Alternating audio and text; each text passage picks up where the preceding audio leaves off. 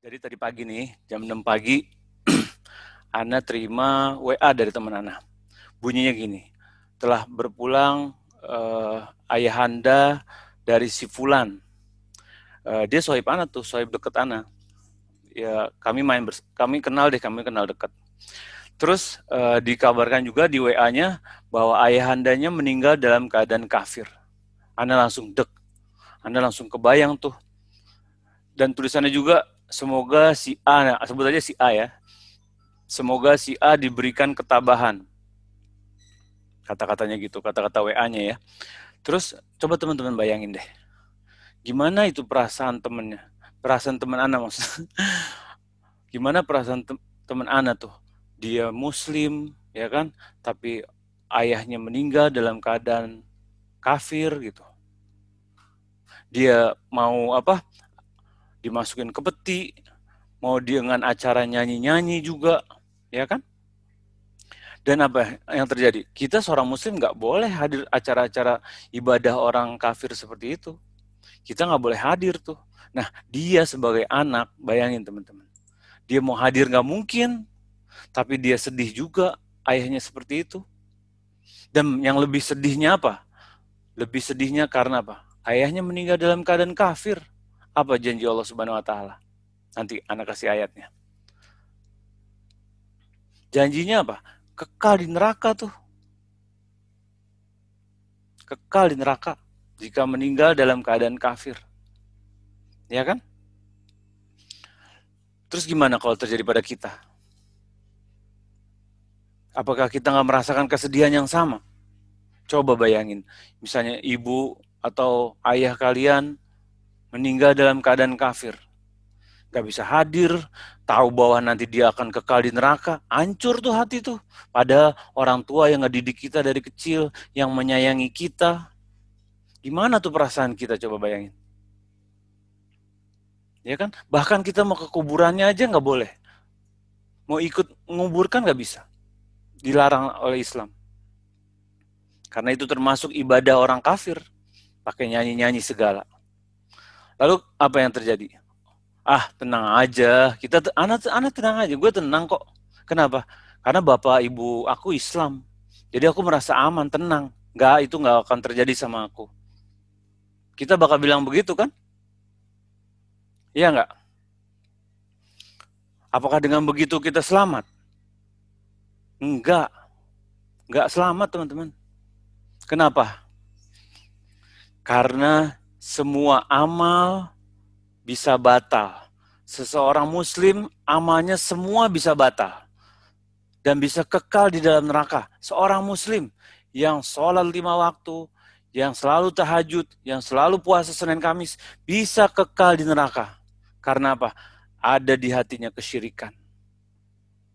Dia masih dia merupakan seorang pelaku kesyirikan. Dia masih nyimpen keris-keris, masih menggunakan susuk, masih pergi ke dukun, masih percaya aura, masih percaya ramalan bintang. Coba bayangin.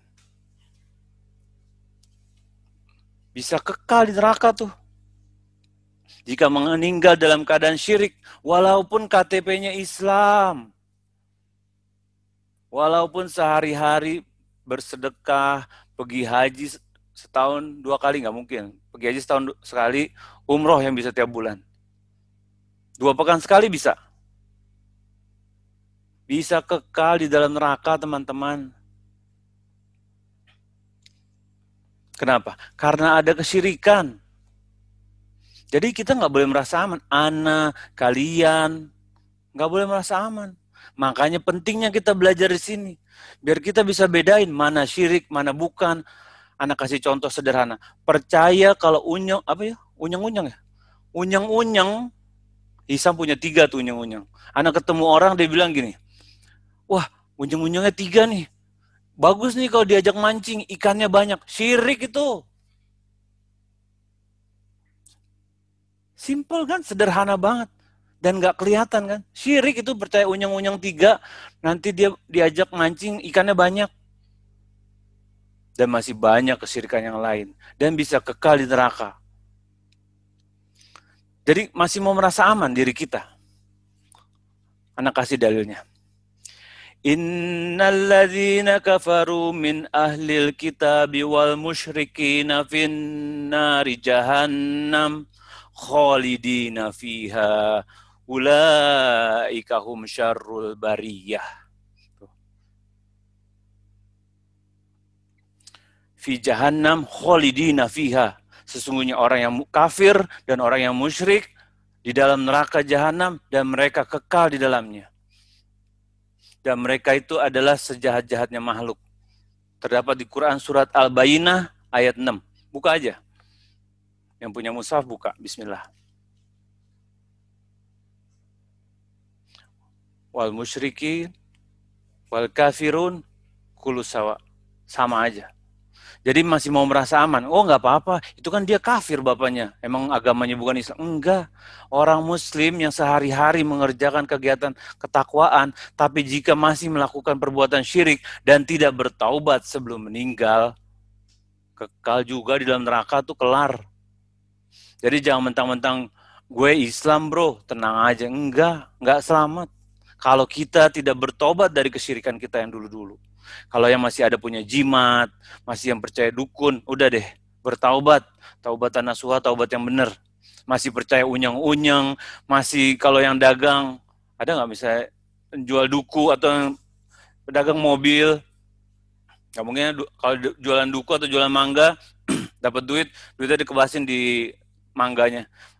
Penglaris, penglaris, penglaris, penglaris. Laris manis Tanjung Kimpul. Uang apa? Uang laris nanti kumpul. Dagangan laris nanti ngumpul. Kayak gitu tuh. Masih mau percaya kayak gitu gituan? Nggak aman. Makanya kita penting nih yang kita belajarin. Penting, penting, penting banget. Makanya kita bolak-balik, ayo belajar. Karena muslim tetapi musyrik itu faktanya ada teman-teman.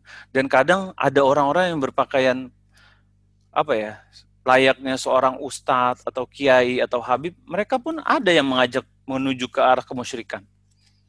Makanya kalau kita bisa bedain mana musyrik, mana bukan, insya Allah kita bisa tahu gitu. Kita bisa punya prinsip. Oh enggak, anak nggak ikut kayak gitu-gitu. Oh ngelarung pala kerbau enggak, anak nggak ikut kayak gitu-gitu. Itu syirik, antum berhenti aja. Ya kan? Biar mau satu kampung ngajak.